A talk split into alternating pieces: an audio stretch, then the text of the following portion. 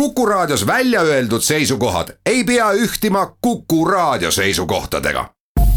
Te kuulate Kuku Raadiot.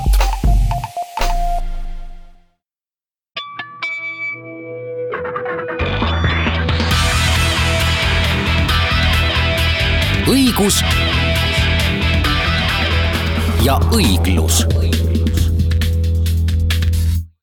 selgelt oskab rääkida see, kes asjast ise aru saab ning öelda julgeb. Seda lauset on hea korrata igal aastal siis, kui selge sõnum ja auhinnad on jälle jagatud ja täna ongi just selline päev.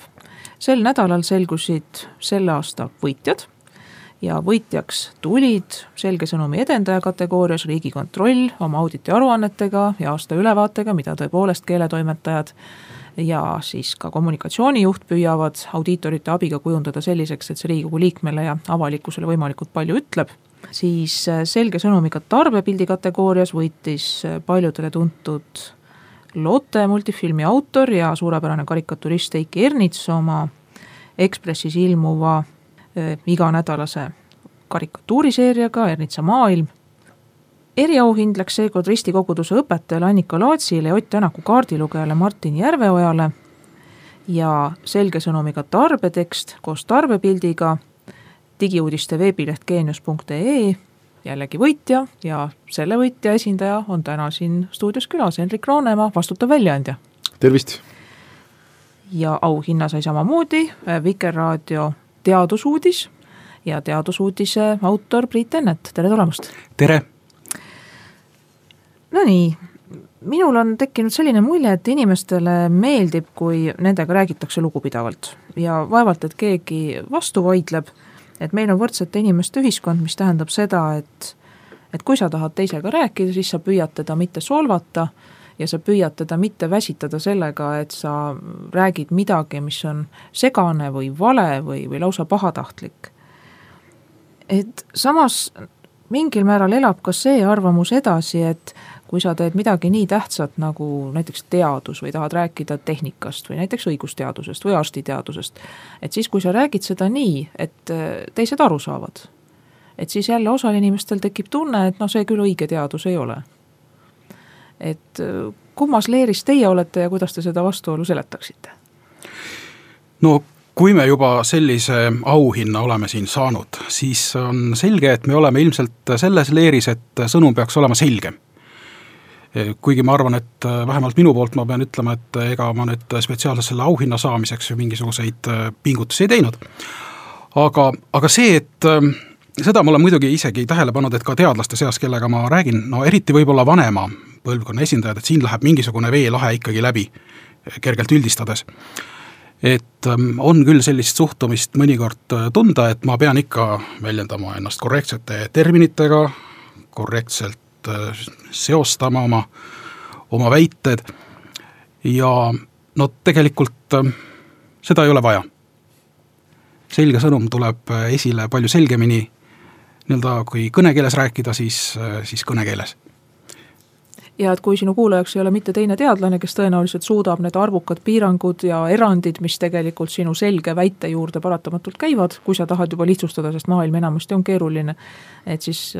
et siis kui nemad on adressaadiks, ju sa siis räägid täpselt ja kui nemad ei ole, et, et ju sa siis saad võtta selle üldise, nii nagu asjad üldiselt on, eks ole. ma arvan, et see on ka väga tähtis, et adressaati tuleb ikkagi arvestada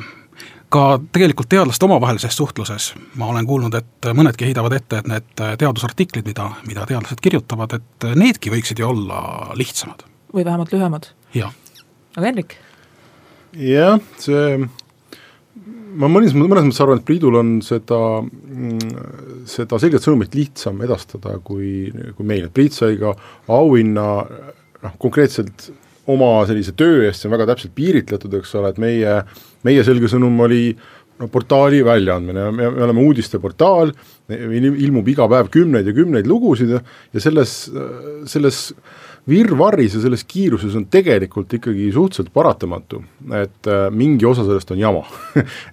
see on lihtsalt äh, maailma paratamatus, mingid sündmused arenevad, mingid esialgsed raporteeringud olid valed, me peame ennast parandama, me edastame mingis koguses infomürana, see, see käib kõik selle sellise kakskümmend neli seitse ajakirjandusega lihtsalt kaasa. aga, aga noh, jah, me oleme üritanud äh, ikka esimesest päevast peale olla olemas selle jaoks või meie olemasolu kogu põhjus on see, et inimestele arusaadavalt kirjutada, et mis, mis värk selle tehnoloogiaga nüüd ikka on ja ja kui me ei saa ise aru ja kui meie lugejad ei saa aru, noh siis meil ei ole mõtet seda tööd teha, nii et me oleme ennast väga teadlikult positsioneerinud tegelikult tehnoloogiamaailmast välja. me ei ole tehnoloogia väljaanne, kes kirjutab tehnoloogia inimestele tehnoloogiast, vaid me peame kirjutama noh, see on halb väljend, see tavaline inimene, aga no kasutame seda siis siin sellise sellises kontekstis, et me ikkagi peame kirjutama sellele tavalisele inimesele ja, ja seda me oleme ikkagi nui neljaks proovinud teha. Priit, kas populaarteadus on ka veel olemas? populaarteadus on kahtlemata olemas. ma arvan, et ma ise sellega tegelengi päevast päeva. populaarteadust, ma arvan, tuleb järjest juurde õnneks ma ei tea, kust see küsimus on, et kas, kuidas ta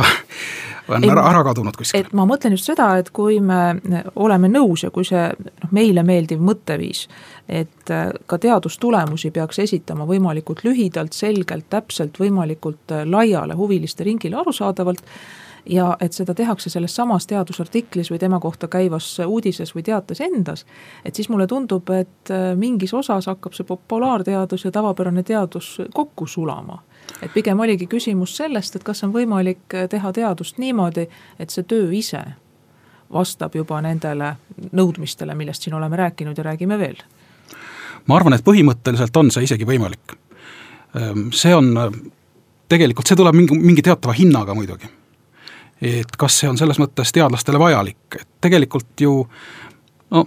kui teine spetsialist loeb seda artiklit ja kui see on mõeldud just täpselt sellele teisele spetsialistile, siis on ökonoomsem tihtipeale ikkagi eh, sellest, mis on juba üldteada selles väikeses ringis, eh, kergemalt üle libiseda. aga ma arvan, et eh, kui mahupiirangut ei ole, ajapiirangut ei ole, siis minugi poolest võiksime, võiksime liikuda ka selle poole et minu meelest erialakeel ikkagi igas valdkonnas on ju olemas ja noh, see on täiesti normaalne nähtus, et õigusinimestel on oma keel, eks ole, mida, mida te mõistate hoopis teistmoodi, kui tavainimesed mõistavad ja ja samamoodi on noh, tehnoloogias või või no laiemalt võttes teaduses, et keegi ütleb ühe sõna, mida noh, nii-öelda populaarteaduses võiks kolm lehekülge lahti seletada, eks ole, aga et noh, erialainimesed saavad kõik aru, et see on, ma arvan, see on kogu aeg olnud ja küllap ta jääb meie Selge sõnumi galal oli see ka jutuks, et, et kui räägime selgest keelest, siis tuleb erinevatel noh, nähtustel või lähenemisviisidel või väljunditel ka selget vahet teha.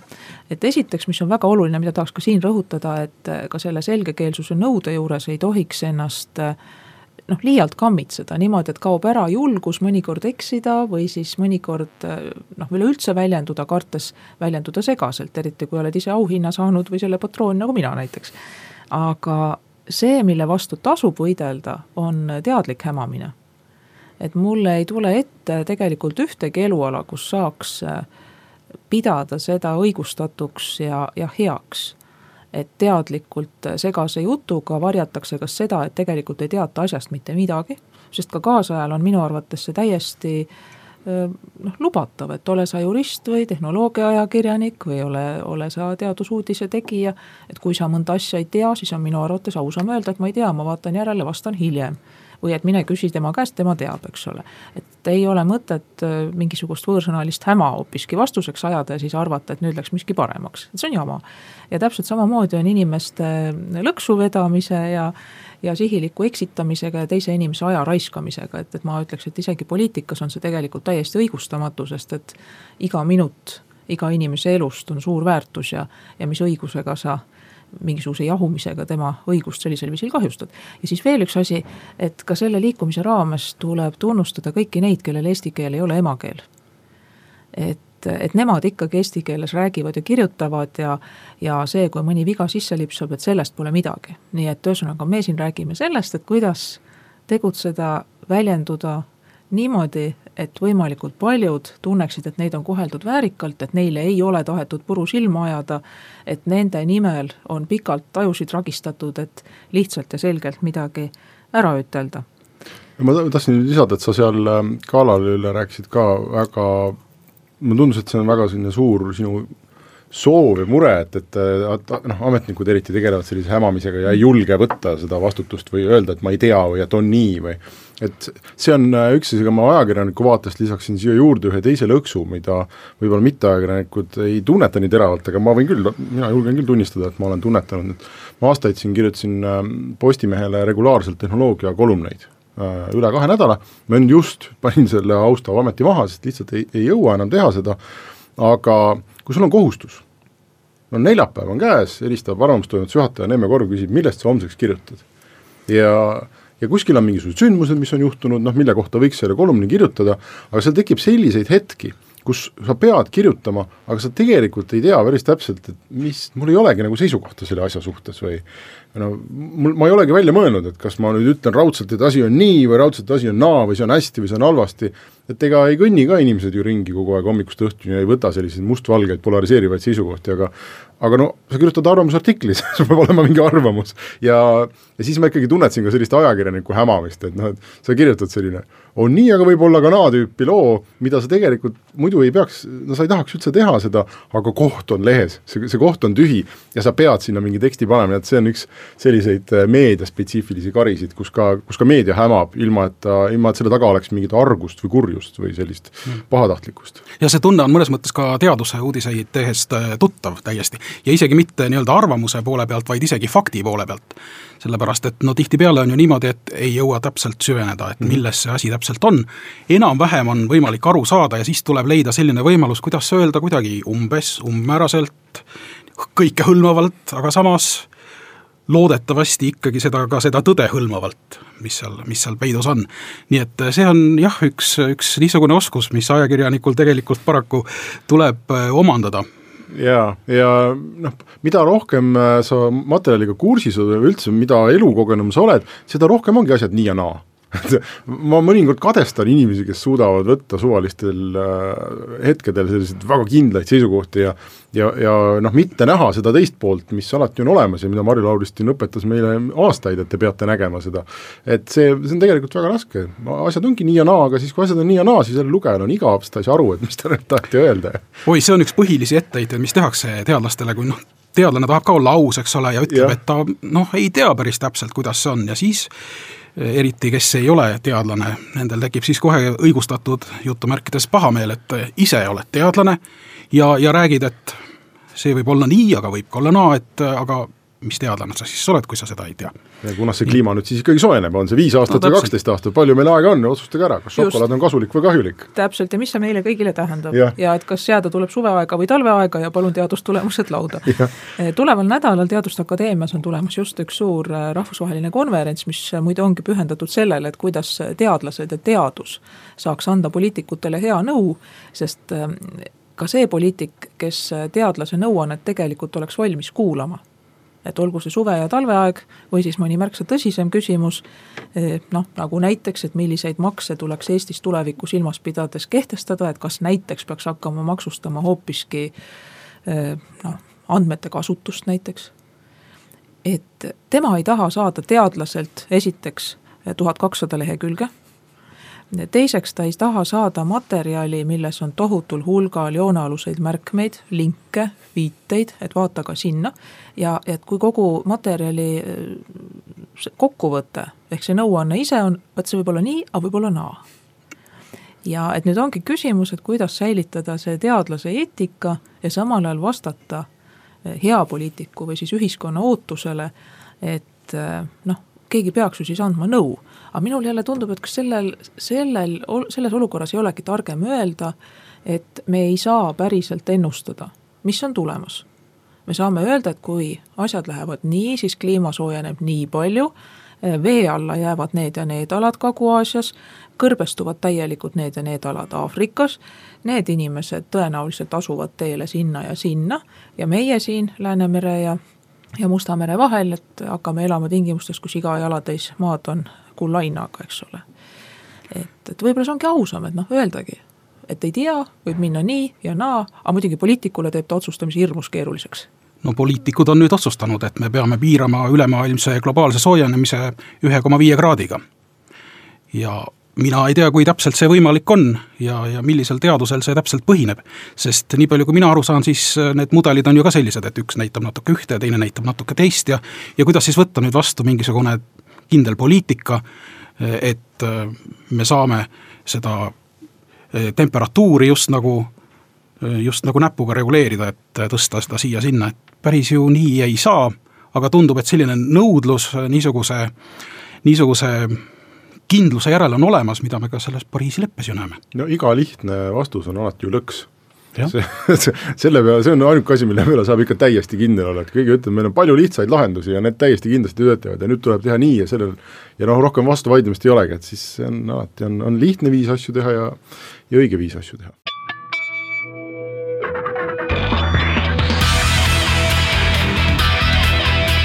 õigus ja õiglus. jätkame saadet, räägime täna teadusest ja tehnikast ja natuke õigusest ja kõigest sellest läbi selge sõnumi võtme. Ja nagu ikka, oleme siin Kuku stuudios kolmekesi, Henrik Roonemaa, kes on digiuudiste portaali geenius.ee vastutav väljaandja ja Priit Tennet, kes on Vikerraadios teadusuudiste autor väidetakse seda, et äh, nii Donald Trumpi valimine Ameerika presidendiks kui, kui ka Brexit, kui palju muid äh, selliseid rahva otsusel tehtud valikuid on niisugused, nagu nad on,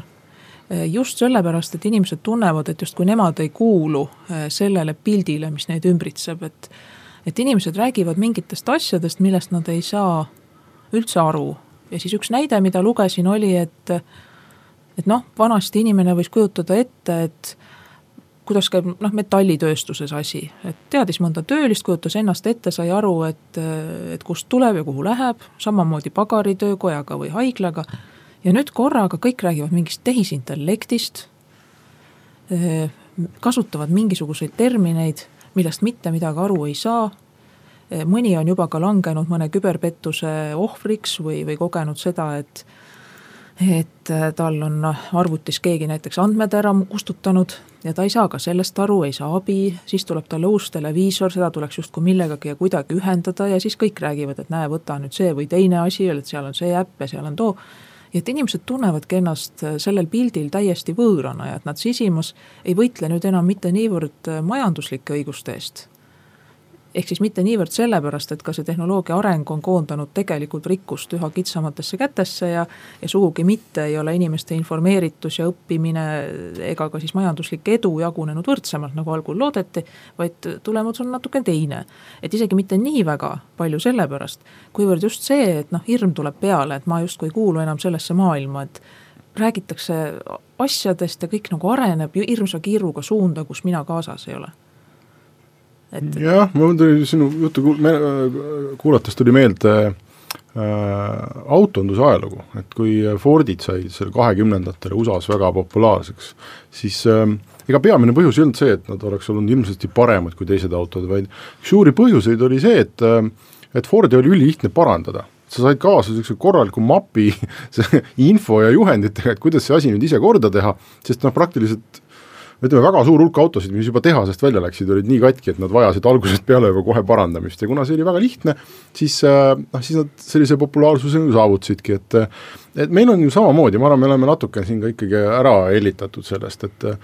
et inimesed on kogu aeg pidanud oskama igasuguseid asju teha, on ju. ja, ja need oskused muutuvad ajas ja ja ma ei näe nagu põhjust hirmu tunda, et tänapäeval äh, ütleme vanasti sada aastat tagasi, isegi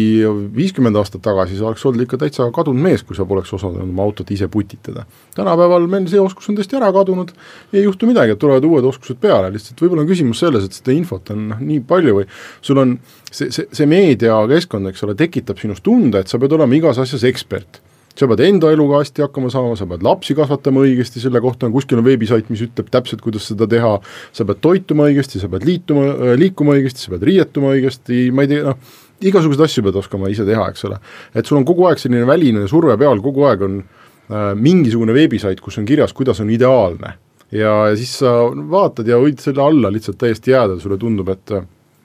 ma olen noh, kasutu inimene või et ma ei oska mitte midagi, ma ei saa millestki aru ja, ja poliitikud nõuavad, et noh, osad poliitikud nõuavad, et me peaksime tulema rahvana kokku ja hakkama otsedemokraatia korras otsustama mingisuguseid küsimusi, et kas tuumaenergiale jah või ei või kliima soojenemisele jah või ei, aga see kõik eeldab ju mingisugust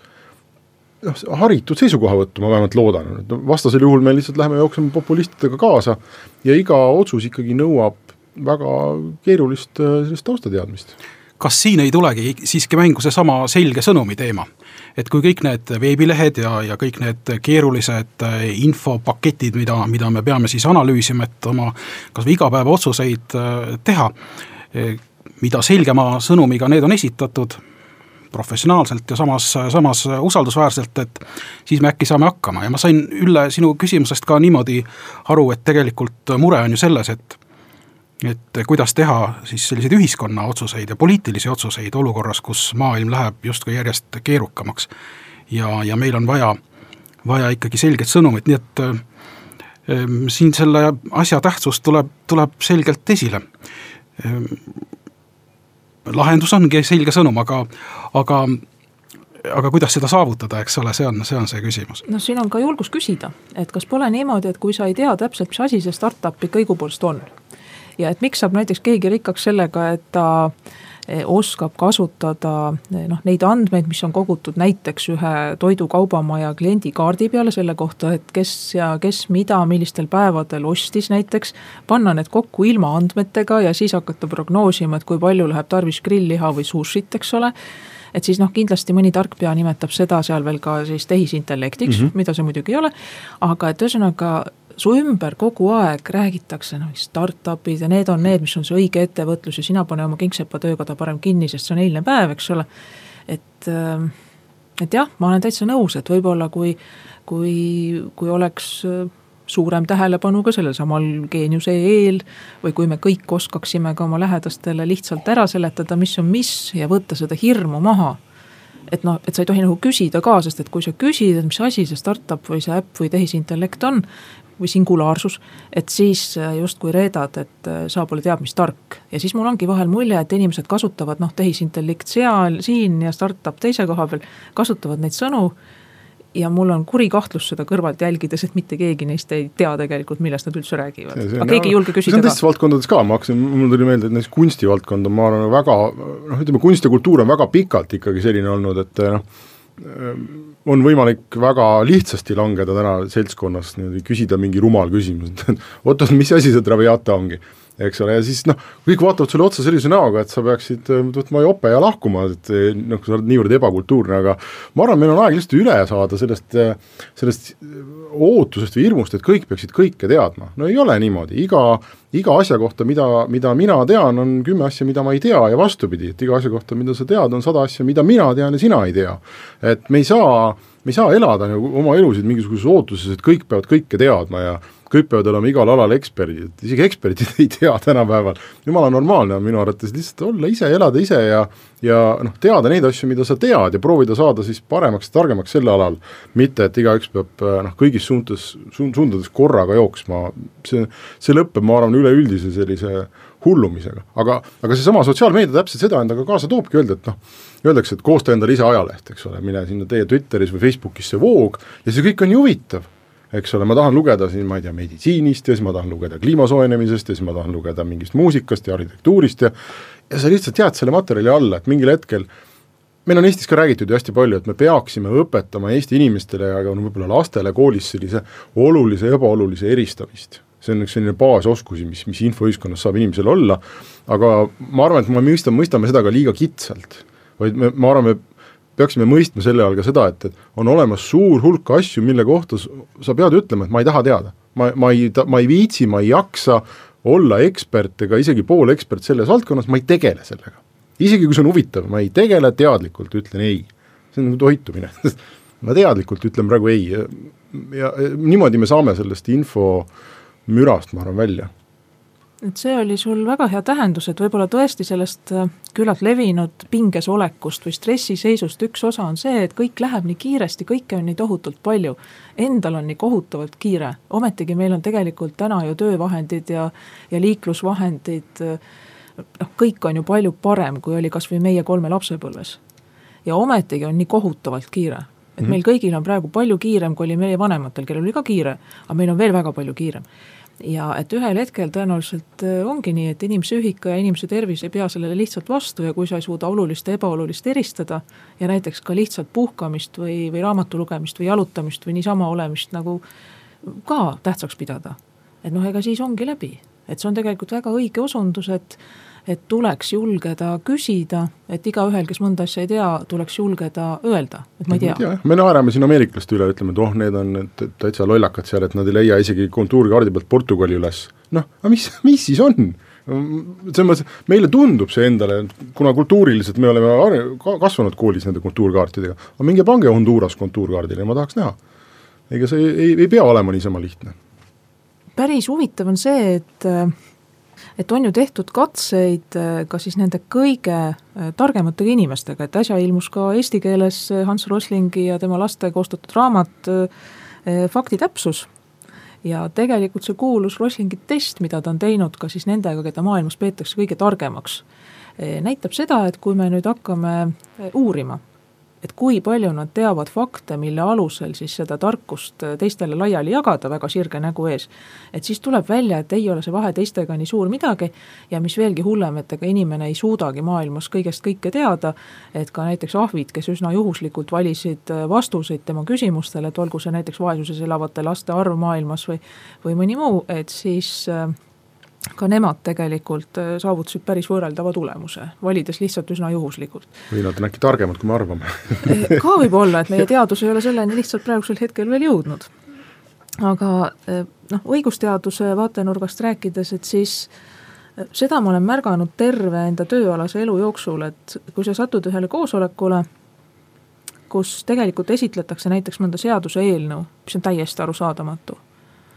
siis esimese hooga mitte keegi ei julge küsida, et kuidas see rakendub või mida see tähendab.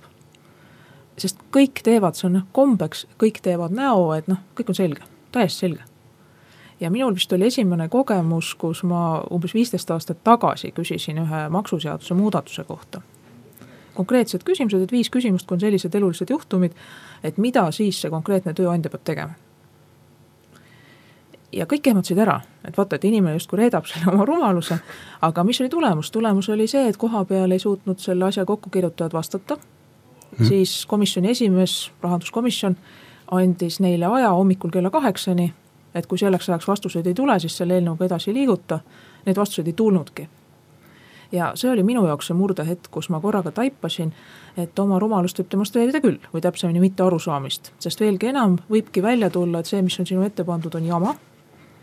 võib välja tulla, et see ei ole jama, aga et peale sinu on laua ümber tegelikult veel hulk inimesi, kes samuti ei saa aru. ja üldiselt on märksa tervislikum minna jutuga edasi siis, kui kõik saavad aru, millest üldse räägitakse.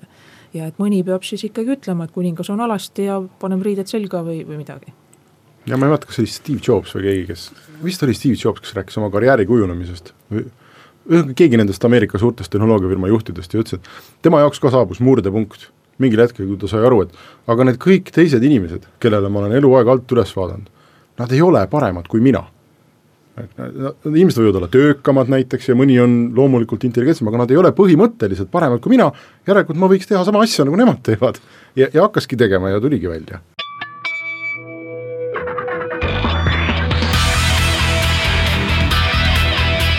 õigus ja õiglus räägime täna teadusest, Henrik Roonemaa, Priit Ennet ja Ülle Madise ja oleme püüdnud selgitada, et ka teadustulemusi, tehnikauudiseid, ka õigust on võimalik edastada viisil, et kuulaja saab aru, et tegelikult see lihtne jutt ei ole rumal, kui ta on mõeldud targana ja on ausalt parima teadmise pinnalt esitatud. et tihtipeale see, kes oskab ähm, vastuse asemel kasutada hulganisti võõrsõnu ja keerutamist, et äh, tihtipeale see, vastupidi, on kas paheline või ei tea lihtsalt asjast mitte midagi. mõni ütleb ka, et, et see pole mitte intellektuaal, vaid pseudointellektuaalne šarlatan. ja siis lõpuks äh, eelmise saate kolmandiku lõpuks jõudsime ka tõdemusele, et tegelikult päris aus ja asjakohane ja üldse mitte ennast halvustav on vahel öelda, et ma ei tea seda. ja siis kas küsida või siis hoiduda vastamast lihtsalt sellepärast, et ei tea. ja samuti märkisime ära selle, et, et ka teadlane teinekord peabki andma näiteks poliitikule nõu selliselt, et ta ütleb, et me täpselt ei tea, mis on aastal kaks tuhat viiskümmend, näiteks kliima soojenemise valdkonnas, aga kui läheb nii, siis tõenäoliselt on naa, kui läheb nii, siis niimoodi ja võib minna tegelikult ka kolmandat moodi. noh, ega see inimestele ei meeldi. aga üht asja tahtsin veel teiega puudutada ja nimelt äh, erinevate erialade ühist sõnakasutust ja arusaamist. et äh, lähen e-hääletuse juurde, mida me siin ka Henrikuga koos ju aastaid oleme noh, küll eri rollides, Henrik äh, asjatundja, kriitik ja küsija ajakirjanik ja siis mina olin, olin omal ajal siis elektroonilise hääletamise seaduslike aluste põhiseaduspärasuse ja siis selle rahvusvahelise õigusega kooskõla ekspert. aga oligi väga huvitav kogemus, et kui esimest korda enne elektroonilise hääletuse väljatöötamist saime kokku, siis sa nüüd, Hendrik, paranda, et see on krüptoloogia või krüptograafia? graafia vist või, see on see astro, astroloogia, astronoomia vahe praegu. No astroloogia ja astronoomia vahe on lihtsam, aga ühesõnaga ma arvan, et krüptograafia, on olemas ka krüptozooloogia, aga see on veel midagi ei, see pole see, et ühesõnaga nende inimestega, kes oskavad äh, jah, krüptograafiat, et kes, kes näiteks Eestis pankades info hoidmise turvaluse, turvalisuse ja, ja rünnakukindluse eest vastutavad, et saime nendega kokku ja kulus kaks päeva selleks, et saaksid nii-öelda tehnoloogia inimesed ja juura inimesed omavahel üldse rääkida. sest selgus, et me mõtleme täiesti erinevalt. et kui mina ütlen näiteks, et häält ei tohi olla võimalik inimesega kokku viia, siis tehnoloogia inimene alati arvutab tõenäosusi ja ka selles maailmas mingitel asjaoludel mingi tohutu erandina, mida võib-olla miljoni aasta jooksul kordagi ei juhtu, mingi erandiga on see ikkagi võimalik ja järelikult me peame kuidagi nendes terminites lähenema. et kui palju teil sellega kogemusi on või on teil häid lugusid? no sellega on tõesti nii, et, et eri valdkondade inimestel võivad ühe ja sama asja kohta tekkida mitte ainult erinevad terminid, vaid lausa erinevad käsitlused ja siis on juba väga raske teinekord neid kokku viia omavahel tagasi. et noh, tegelikult võib-olla aitakski siin see, kui, kui sellised mingisugused põhi, põhiasjad oleks äh, võimalik äh, selgeks saada kõigil nagu, nagu täpselt needsamad tõenäosusteooria põhimõtted ja, ja statistika mm, põhimõtted, mida läheb ju tegelikult igal pool vaja. et äh, kui nendest lähtuda, et siis võib juba hakata üht-teist, üht-teist nagu omavahel ka korda sättima. aga jaa, tehnoloogiamaailmas on äh, üks väga huvitav fenomen, mida ma olen kõrvalt jälginud ja ma arvan, Ülle, et sa oled ka näinud, et mäletate, kui oli see Eesti üks suurimaid rahvaproteste, mis on üldse viimastel aegadel olnud, kui kõik need foolium, fooliummütsikesed peas mm -hmm. olid Vabaduse väljakul, eks ole. kaks tuhat kaksteist. jah, ja siis äh, ja, ja neid selliseid asju tehnoloogiamaailmas tuleb väga tihti ette, noh nüüd näiteks suurem viimane äh, Äh, arutelu käib selle äh, autorikaitseseaduse mm -hmm. teema kohta, mida Euroopa Parlament vastu võttis ja mm -hmm. ja need, äh, ütleme, tehnoloogiamaailma need käsitlused, mis, mis juuramaailmast jõuavad, on tihti hästi ekstreemsed. Ma ei ole väga palju käsitlenud neid teemasid, sest mul, ma ei ole otseselt selle ala ajakirjanik ja see nõuab hästi palju aega. aga ma olen ikkagi tähele pannud, et noh, et kui seadusandja hakkab teksti kirjutama, et noh, seadus, seadus ei ole absoluutne seaduses on tõlgendusruum, eks ole. ja, ja, ja mingisugused asjad, mis seal kirjas on, võivad noh, realiseeruda täiesti ekstreemjuhtudel ja see jääb lõpuks kohtuniku otsustada näiteks ja seal on hästi palju sellist udust siis tehnoloogiainimesed üritavad sellest udususest alati noh, kirve, kirve sinna keskele lüüa ja öelda, et kuidas siis on. et, et selle kohta öeldakse, on tehtud lausa teadustöid, see on hästi põnev, et tehnoloogia inimeste jaoks peab äh, seadus kompileeruma ehk see tähendab seda, et kood kompileerub, kui sa kirjutad arvutiprogrammi valmis, siis see kas töötab täpselt nii, nagu sa arvasid, või ei tööta üldse. Seal on kaks varianti, eks ole mm -hmm., no mhm. uuemal ajal on veel seal palju keerukust ka sees, aga noh, põhimõtteliselt tehnoloogia inimesed mõtlevad nii mm. -hmm. ja nad loevad seda seaduse teksti ka nagu programmi koodi mm. -hmm. ja nad hakkavad seda oma peas kompileerima, et ahah, näed, siis juhtub see, siis juhtub see, siis juhtub see, ja nüüd ma ei või enam äh, tänaval telefoniga pilti teha et nad hästi nagu kiiresti jõuavad sinna selliste ekstreemideni välja, sest nendele paistab see tekst selline ja, ja, ja juurainimesed tulevad, seletavad, et aga see ei, see ei ole nii et vaadake, et noh, me oleme siin mõelnud hoopis niimoodi ja see noh, see termin on tõlgenduseks avatud ja siin on kohtunikul suur roll tõlgendada ja otsustada ja noh, vaadake, et see kõik on selline udune asi ja need maailmad on täiesti erinevad. ja, ja seetõttu ka avalikkuse ette jõuab seal tihtipeale sellist äh, väga erinevaid signaale ja välja on ju pakutud lausa seda, et tegelikult peakski kogu õiguskorra just sellises tehnoloogia inimese mõttemaastikus üles ehitama, et sisuliselt oleks võimalik jõuda robotkohtunikuna, et mm -hmm. igal inimesel on teada eh, noh, absoluutse täpsusega kõik tema õigused ja vabadused ja tema kohustused igaks mõeldavaks elujuhtumiks ja et siis see nii-öelda tõlgendamise ala või eluga kohandumise ala, et see justkui kaoks ära ja see võib tõesti pealtnäha inimesele, kes õigusfilosoofiat õppinud ei ole, tunduda väga kutsuv aga ka õiguskantsleri ametis näen ma pidevalt seda, et et kui üheksakümmend protsenti juhtumitest on sellised, nagu Riigikogu otsustas või oskas ette näha, kuidas ta seadust tegi. ja siis korraga tuleb äh, täiesti teistsugune olukord, mille peale pole mitte keegi mitte kunagi osanud mõelda. et meil on olemas üks pensionär, kellel on veel need, need, need ja need probleemid, algul tundub, et see on võimatu, aga siis on see inimene olemas ja vot nüüd ongi see valiku koht, et kas me ütleme, et vot tehnoloogia ei luba, et meil on siin kõik programmeeritud, mitte midagi ei ole parata, teie pension läheb nüüd maksustamisele. Eh, sellepärast, et ei, teil on õigus, absoluutselt õigus, jah, te olite haiglas ja teil noh, ei saanud ja, ja, ja, ja olitegi teadvusetu sellele nii. ei, tehnoloogia ei võimalda ja vot mina jälle olen õigusfilosoofiliselt selles koolkonnas, kes ütleb, et inimene on inimene, tema väärikus väärib igal juhul kaitsmist. ja see tähendab seda, et kui juhtub midagi mida ei osatud ette näha, et siis peab olema see tõlgendusvõimalus, et ka teda kohelda teistega võrdselt ja õiglaselt. ega juristide hulgas on ka kaks koolkonda, aga noh, ma arvan, et seda päris niimoodi kõikide sõnade, väljendite, seoste poolest eh, täpselt omavahel kooskõlla viidud ja seetõttu ka siis automaatselt eh, rakendatavat õiguskorda, et noh, sellesse ei usu nüüd, ma usun, juristidest mitte keegi aga vaidlus selle üle, et kas tegelikult kõik need noh, neid nimetatakse määratlemata õigusmõisteks, nagu näiteks, et tuleb vastata mõistliku aja jooksul et noh, see just nimelt tehnoloogia inimesele programmeerija hakkab kohe otsima kuskilt seda dokumenti, kus on kirjas mõistlik mis aeg. mõistlik aeg, just. no ja mina näiteks jälle seda lähenemist väga kaitsen, sellepärast et kas või meie ametkonnas meil on olnud probleeme, kus tuleb öösel minu erapostkasti kiri kus selgub, et kaugelt tuttav on sattunud väga suurde tõepoolest hätta, et tema laste õigused on ohus. ja et äh, siis on paras aeg, on see, et hommikul kell üheksa hakkavad inimesed tegelema, see on mõistlik aeg ja ma mhm. ütleks, kui nad hakkavad ülehomme tegelema, see on hilja. või kui teil tuleb meile küsimus näiteks, et kas koolikontserti tohib äh, läbi viia kirikus jõulude ajal et noh, kui sa vastad peale jõule, siis see ei ole enam mõistlik aeg, eks ole. mis siis, et see küsimus tuli detsembri alguses aga samal ajal on kindlasti jälle asjad, kus ongi tarvis küsida ka näiteks siin Soome õiguskantslerilt võib-olla nõu ja ja, ja küsida siin Eestis teadlastelt, seda asja analüüsida, arutada osapooltega ja vastus tuleb pooleteise aasta pärast, jälle mõistlik aeg. nii et äh, sa ei saagi selliseid lahterdusi teha, aga see on tõesti kas või juura ja tehnoloogia vahel väga suur vaidluskoht. No siin võib juhtuda, et ka äh, tehnoloogiasse tuleb sellel teemal kaks koolkonda varsti, et äh, kui valmistatakse korralik kvantarvuti, siis võib-olla ei pea olema kõik äh, niimoodi algoritmiliselt määratletud, et äh, kui nii, siis alati nii ja, ja mõistlik aeg peab olema defineeritud, vaid äh, saame sellist määramatust sinna sisse tuua kvantmaailma abiga. võib-olla, võib-olla siis õnnestub sellist tõlkimist ka kahe, kahe sellise suure koolkonna või selle suure valdkonna vahel siis ka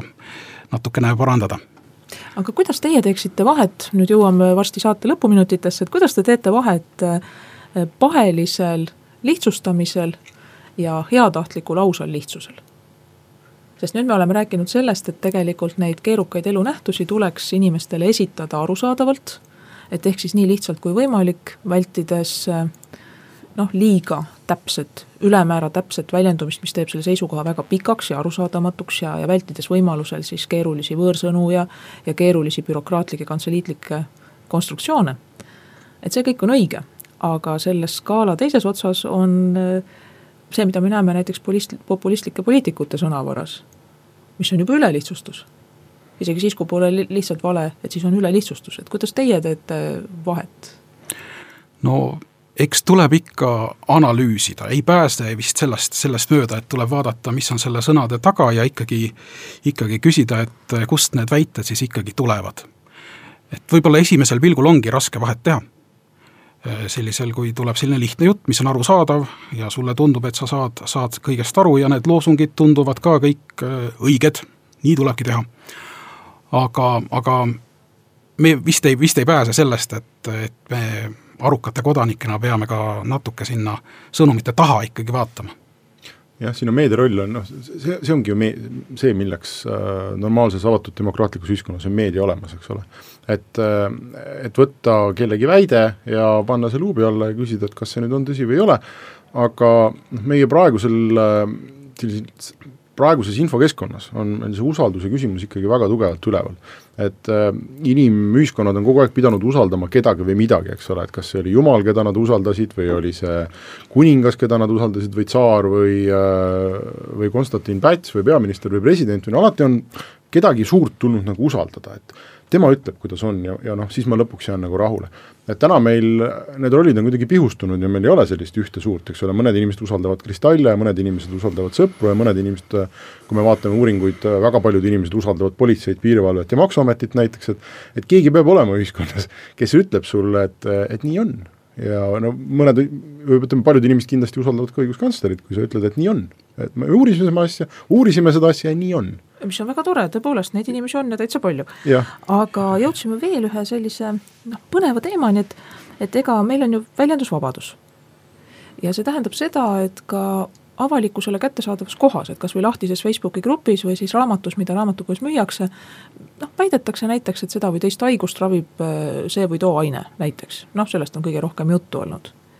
ja siis on ju hääled, kes ütlevad, vot selle peaks ära keelama, peaks karmilt karistama ja minul on selle peale iga kord jälle tulnud ähm, noh, nagu pähe see, et, et kas või meie lapsepõlves, et kui mõtlete, et millega inimesi raviti näiteks. et mingisugused antibiootikumid või, või siis noh, me kõik vist oleme kuulnud, omal pole õnneks kogemust olnud, aga aga et kuidas näiteks lastel peast täisid raviti, et oli mingi kohutava mürgiga, nimi oli vist DDT. et ähm, et noh, tollel hetkel see oli see, mis oli heaks kiidetud, pärast selgus, et aga see ei ole see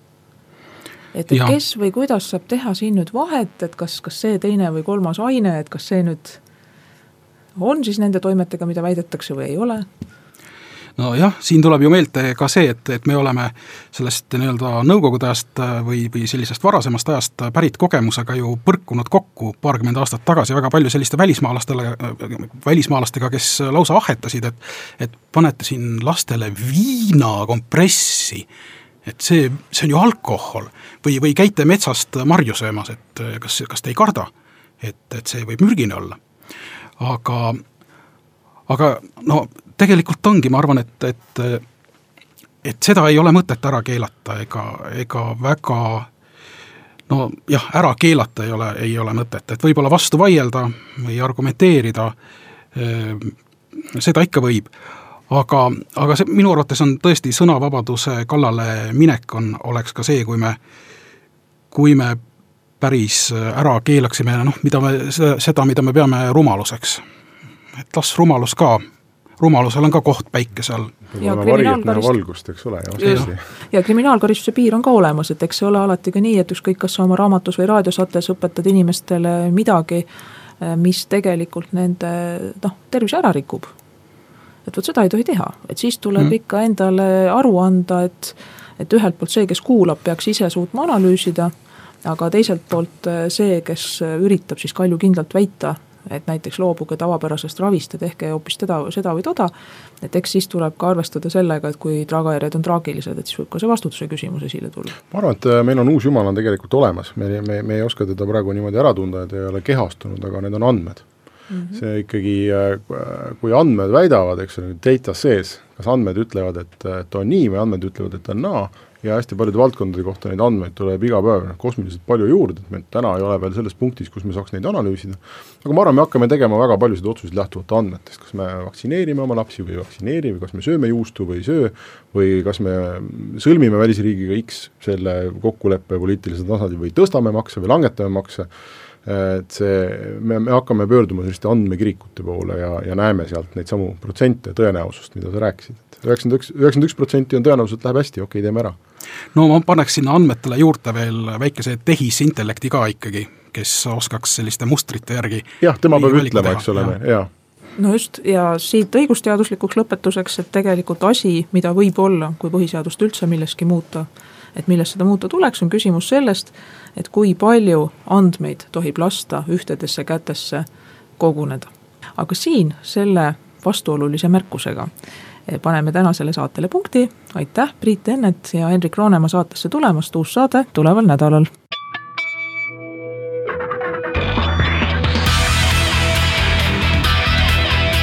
õigus ja õiglus